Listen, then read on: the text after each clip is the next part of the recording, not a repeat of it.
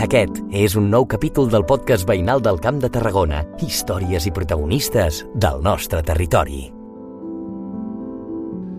Aquesta setmana, el podcast de veïns ens porta fins a Constantí per conèixer a la nova protagonista, l'Alexia Pasqual, qui amb només 22 anys s'està fent un lloc al món de la música després de quedar finalista a la darrera edició d'Eufòria, el programa de talents musicals de Catalunya. Fem un salt a la seva infància. Soc de Constantí i jo vaig començar en el món de la dansa quan era molt petita, mm, tenia com 3 o 4 anys la meva mare em va apuntar ballet i bueno, una cosa va anar portant a l'altra eh, vaig començar a fer més modalitats de dansa, de cop feia jazz, hip-hop i tot això i a la mateixa escola fèiem teatre musical i dins de teatre musical doncs, eh, hi havia com l'apartat de cant, l'apartat de teatre, llavors vaig veure que allò m'agradava molt i sempre havia cantat, però cantava a casa, com tots fem, i de cop vaig veure que m'agradava molt i a poc a poc, eh, quan em vaig anar fent més gran, tot i que continuava fent molta dansa, me n'adonava que el que més m'agradava era cantar, llavors em vaig apuntar a classes de cant, em vaig apuntar a classes de teatre i una mica va anar agafant com aquest camí. Arrelada al seu poble, Constantí, i també en el camp de la interpretació, l'Alexia també va fer coral a l'escola i representació dels pastorets. Constantí sempre han fet els pastorets eh, i jo els vaig fer ja des de que era molt petita. Crec que he fet, vaig fer de nen Jesús, després vaig fer d'Angelet i a poc a poc he anat fent una mica tot i va ser doncs, això les primeres vegades que puges a l'escenari que per això crec que la tradició dels pastorets és molt maca perquè dona com l'oportunitat a molta gent a fer teatre que potser si jo mai n'hagués fet, mai hagués sabut que m'agradava, saps? Llavors crec que és, és lo maco i vaig fer els pastorets i vaig fer coral a la meva escola i no sé, com sempre crec que he estat bastant vinculada a coses artístiques ja d'una manera com més familiar i, i molt innata. La meva àvia, la Montserrat, i ja feia pastorets ella també i ja cantava. El món de la música no és fàcil. Va adoptar l'Alexia en algun moment o la família li va aconsellar altres camins? Jo vaig tenir com clar molt ràpid i a més ho vaig tenir molt clar. O sigui, ràpidament en el moment, en aquells anys que has de decidir què estudiar i què no, eh, no sé, no sé com, perquè realment suposo que de tots els anys que venia fent coses, però vaig tenir molt clar que jo volia fer teatre musical i a la meva família em van donar tot el suport, o sigui, realment per sort no he tingut cap problema en aquest sentit. Van donar suport que crec que és algo molt guai, que crec que és algo pel que com a societat hem de lluitar, no? que quan un nen o una, un jove et diu vull fer alguna artístic, que no, la gent no es posi les mans al cap de dir, ostres, què està fent? Perquè jo m'ho he sentit, no tant de la meva família, però, home, vols dir... No... Yeah. A més, treia bones notes i era com, vols dir que no vols estudiar? I era com, és que no té res a veure el treure bones notes, no, és que m'agrada fer alguna artístic i crec que és on jo brillo més, per tant, per què no? Doncs amb el suport de la família i la decisió de l'Alexia, la nostra protagonista va encarrilar el seu camí cap a les seves fites de futur formant-se.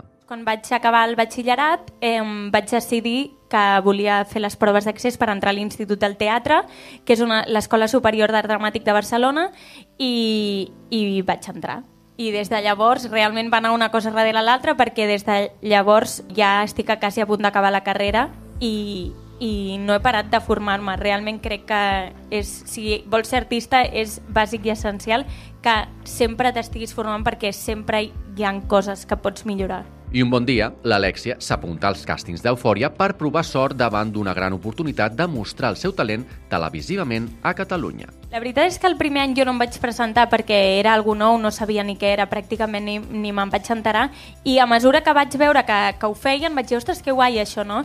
I al final era com un tipus de programa que era espectacle i és una que a mi m'agrada molt la culminació de canto i també ballo, saps? O sigui, més com show, saps?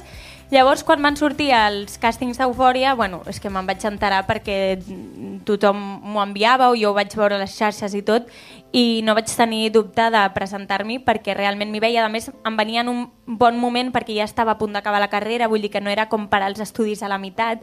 Eh, era com bon moment per començar a buscar-me la vida de, de noves oportunitats i em vaig presentar al càsting van ser a Barcelona els càstings, però primer em vaig fer un al novembre aquí a Tarragona que vaig passar i llavors fins al gener no, no, no feia els altres. Llavors vaig passar, recordo, els, els Nadals de l'any passat, un sofriment, perquè sabia que els tenia al final quan t'il·lusiones amb cosa ja has de creure, no? Però si creus sempre hi ha aquesta il·lusió i aquesta esperança de eh, ho aconseguiré.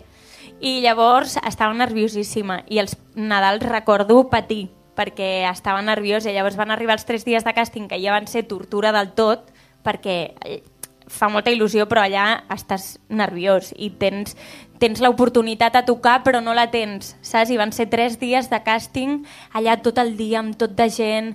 Al final crec que un càsting és l'exercici més gran d'autoconfiança i autocontrol de dir Buah, estic veient a un altre que sé que ho està fent molt bé però anar-te repetint, jo també ho puc fer perquè és, mo és molt fàcil venir-te baix en un càsting, perquè realment et pots comparar amb tothom, tothom està optant el mateix que tu i, i uah, eh, és durillo, és durillo. Doncs així és com recorda la nostra protagonista el seu pas pels càstings, però a moda d'anècdota, també el repte de guardar el secret a mesura que els anava passant. Una primera fase de vídeo primeríssima, després em van citar aquí a Tarragona i llavors l última fase, que van ser aquests tres dies, que cada dia era com eliminatori. Llavors, si passaves un dia, anaves al següent i així els tres dies.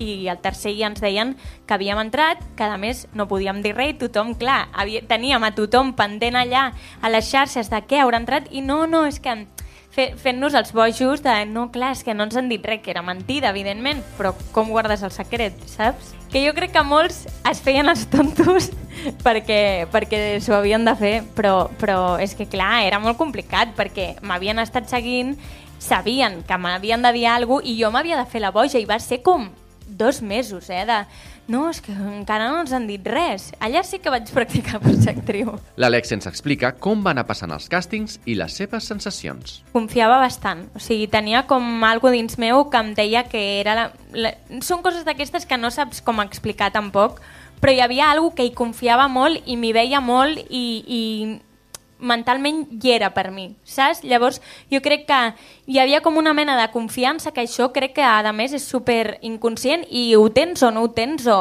saps? I en aquell moment doncs, jo estava confident en això i a poc a poc vaig anar passant i va ser molt guai tot en general anar passant, però va ser, ja et dic, no recordo aquella època com la més feliç de la meva vida. I finalment va resultar ser una de les concursants escollides. Deuria ser segurament un moment de molta eufòria, mai millor dit. Mira, en aquell moment portàvem 3 dies de càsting a 12 hores cada dia i aquell moment eren com les 3 de la nit. O sigui, allò es va gravar a les 3 de la nit, estàvem ja tots delirant allà.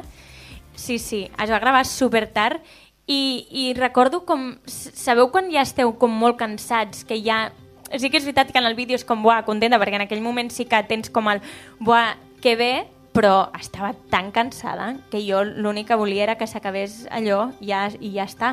I recordo el dia següent que tenia classe a l'institut, que hi vaig anar, que havia dormit com 3 hores, i vaig anar havent dormit 3 hores, sabent que havia entrat a eufòria, però havent-me de centrar en l'assignatura aquella perquè l'havia de treure igualment. Saps allò que et dius que no sé, no, no, no sé res. No sé on estic, no sé qui sóc, no sé on vaig. Trucar-los, eh, que de fet era super tard a la nit i estaven tots allà esperant a que jo els truqués, que crec que segur que ho devien passar pitjor ells a casa que jo, perquè jo almenys allà estava com... I ells ja estaven allà a l'espera de què.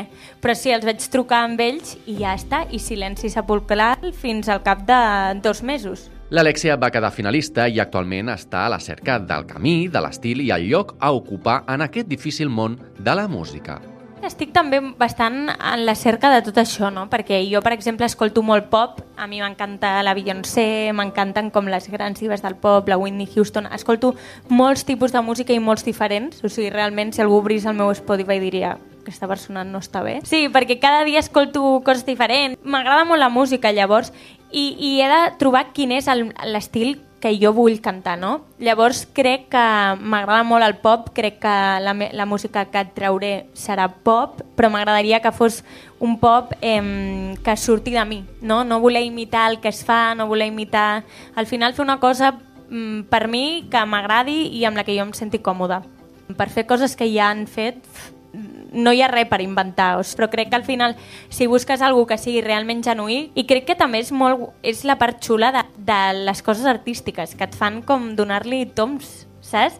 I dir, ostres, que no, d'altra manera no m'hauria plantejat mm, què m'agrada fer, saps? O sigui, crec que és maco perquè et fa fer com una cerca en tu mateix molt xula. El que sí que té clar la nostra protagonista és poder seguir trepitjant els teatres d'una o altra manera. El meu objectiu abans d'Eufòria era estar al teatre i continua sent el meu objectiu principal.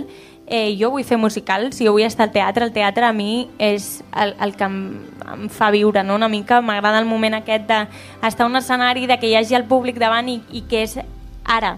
O sigui, no és que no es pot, saps? Llavors, aquest continua sent el meu objectiu principal. Jo vull fer teatre musical i, a més a més, eh, ja que m'ha sortit l'oportunitat i que crec que és algo que també mm, em pot omplir molt, fer música i, i moure la meva música, no? Però, però el meu objectiu és teatre musical, 100%. Alexia Pasqual, la jove constantinenca que comença a projectar la seva carrera musical i protagonista aquesta setmana del podcast de Veïns.